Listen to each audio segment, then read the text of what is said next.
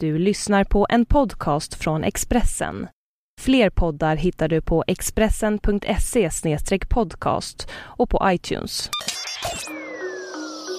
Det här är Expressen Dokument om Front Nationals nya offensiv i Europa av Josefin Elfström som jag, Johan Bengtsson, läser upp. Högerextrema Front National växer sig allt större i Frankrike. Nu vill partiledaren Marine Le Pen skapa ett nätverk i Europaparlamentet.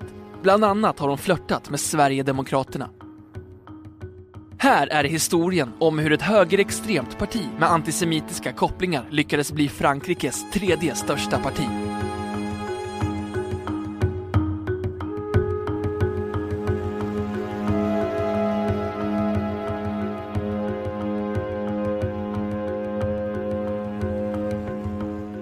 Nationella fronten grundades 1972 av Jean-Marie Le Pen.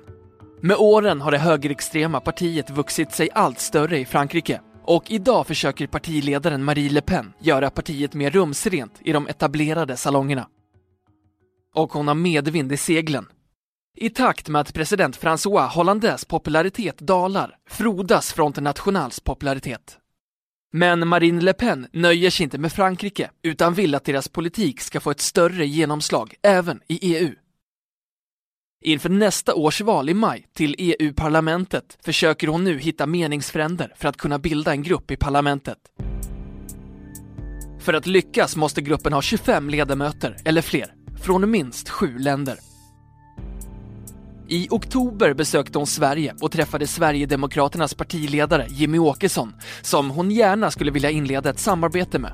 Men SDs viktigaste samarbetspartner utanför Sverige, Dansk Folkeparti, varnar SD för att ingå i partnerskap med Front National eftersom det franska partiet enligt dem inte har städat upp utan fortfarande har problem med kopplingar till antisemitism.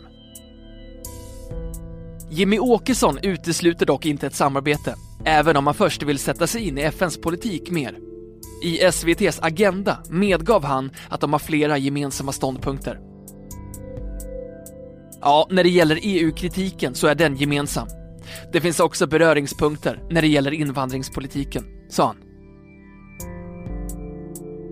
Vad är då Front National?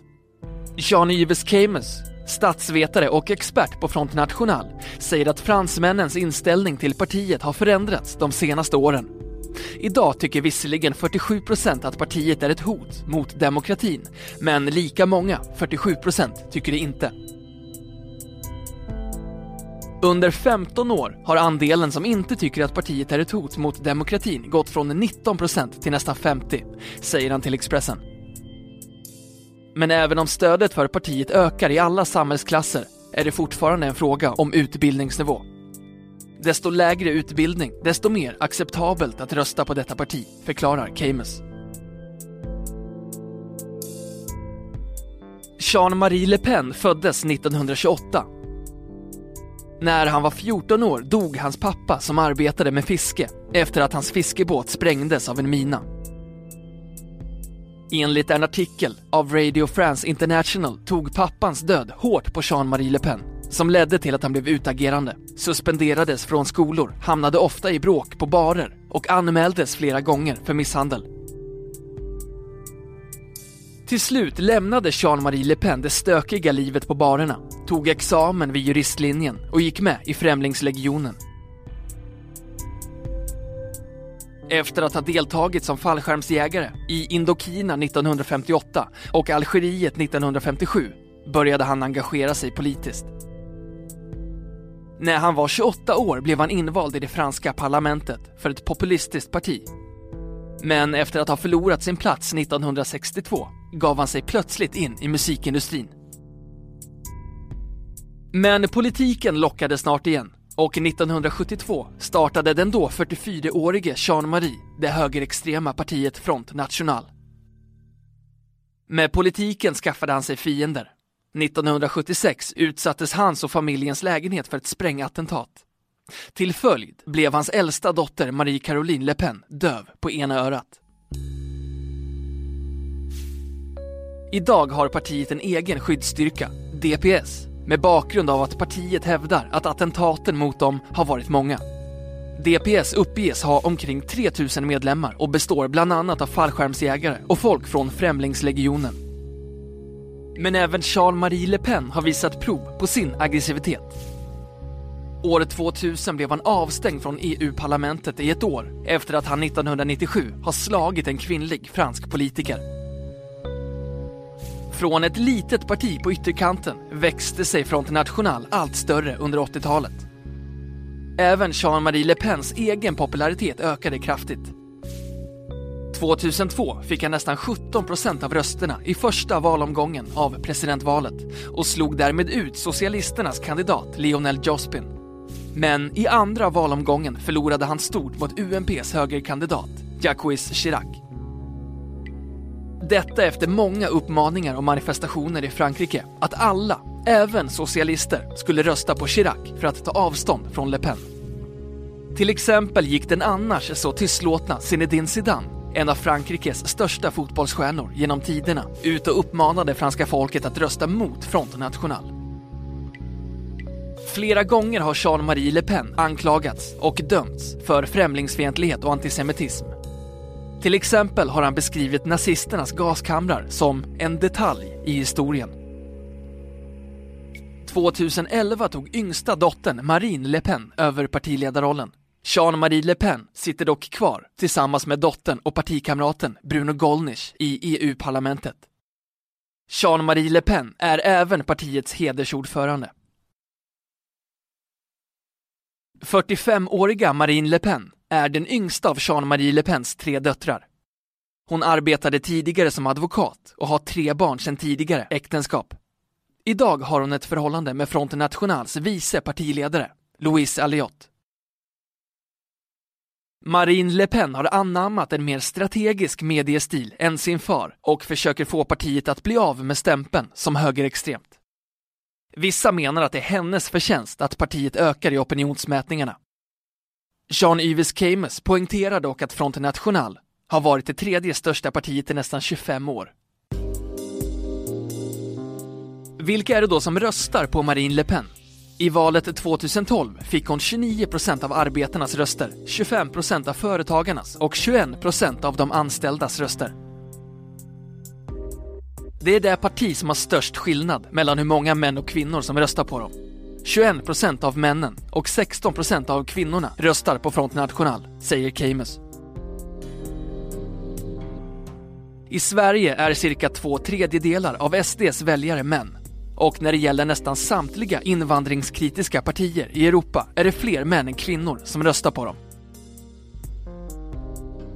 Om Marine Le Pen lyckas locka fler kvinnor krävs det att den för partiet traditionellt relativt radikala politiken tonas ner, menar Andrei Kokkonen, statsvetare vid Göteborgs universitet, som forskar i hur könsskillnaderna ser ut i väljarstöd för invandringskritiska partier. Lyckas de skapa en mer liberal framtoning än partiets nuvarande stämpel kan de lyckas minska könsgapet, säger han. Men även Marie Le Pen har varit i blåsväder. I juli i år hävde EU-parlamentet immuniteten mot henne. Hon riskerar åtal för hets mot folkgrupp efter att 2010 jämfört muslimska böner på franska gator med den nynazistiska ockupationen under andra världskriget. Att Front National är som ett familjeföretag står helt klart. I valet 2012 fick partiet två parlamentplatser. På en av dessa sitter Jean-Marie Le Pens barnbarn, 23-åriga Marion Maréchal Le Pen. Hon är dotter till Jan, Jean-Marie Le Pens mellandotter, och Samuel Maréchal som tidigare var chef för Front Nationals ungdomsrörelse. Nu spekuleras det i om Marion Maréchal Le Pen är nästa stjärna i partiet. Hon är redan mycket uppmärksammad. Mycket mer än i relation till vad hon har åstadkommit politiskt. Detta eftersom hon tillhör familjen Le Pen, säger Jean-Yves Camus. Hon personifierar en annan typ av politisk känsla jämfört med sin moster. Marion sympatiserar mer med UMP och är mindre av åsikten varken höger eller vänster, som Marine Le Pen. Men som sagt, Marine Le Pen är bara 45 år och har tagit över partiet framgångsrikt. Det gör att det lämnas lite utrymme till Marion, i alla fall så länge FN fortsätter att gå framåt. Om utvecklingen skulle stanna upp till 2017, då har hon en chans.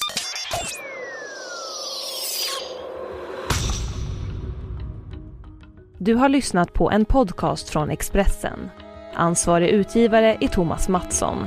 Fler poddar finns på Expressen.se och på iTunes.